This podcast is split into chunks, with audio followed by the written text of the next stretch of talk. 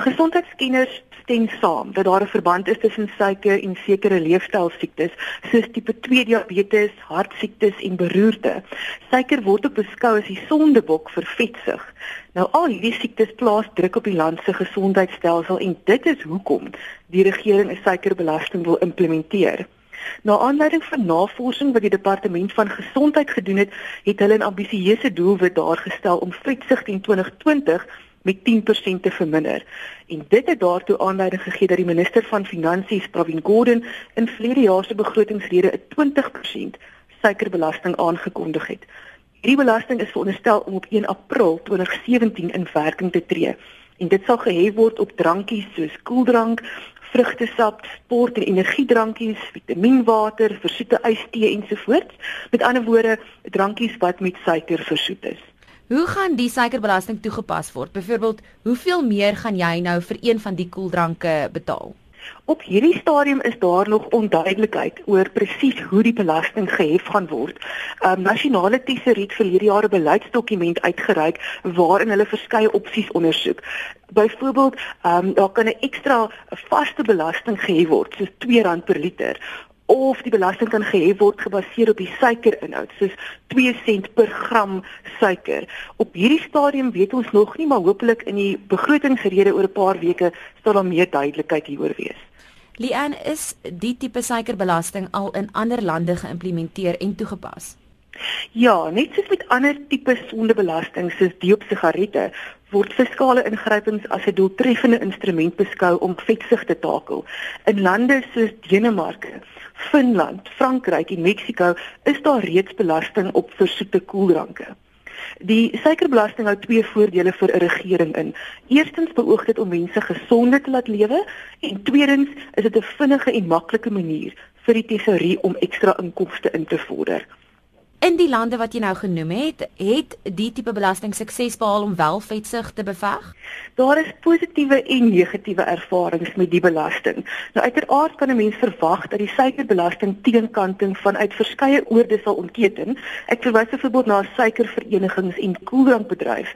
Hulle argumente is dat suikerbelasting tot groot werksverliese sal lei en derhalwe 'n land se ekonomiese groei sal kelder.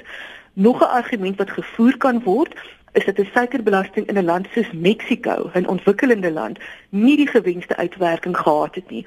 Ek het byvoorbeeld 'n verslag van 'n ekonom gelees waarin hy sê dat verbruikers in die lae-inkomste groep gaskoeldrank nie as 'n luukse beskou nie, dis eerder 'n noodsaaklikheid.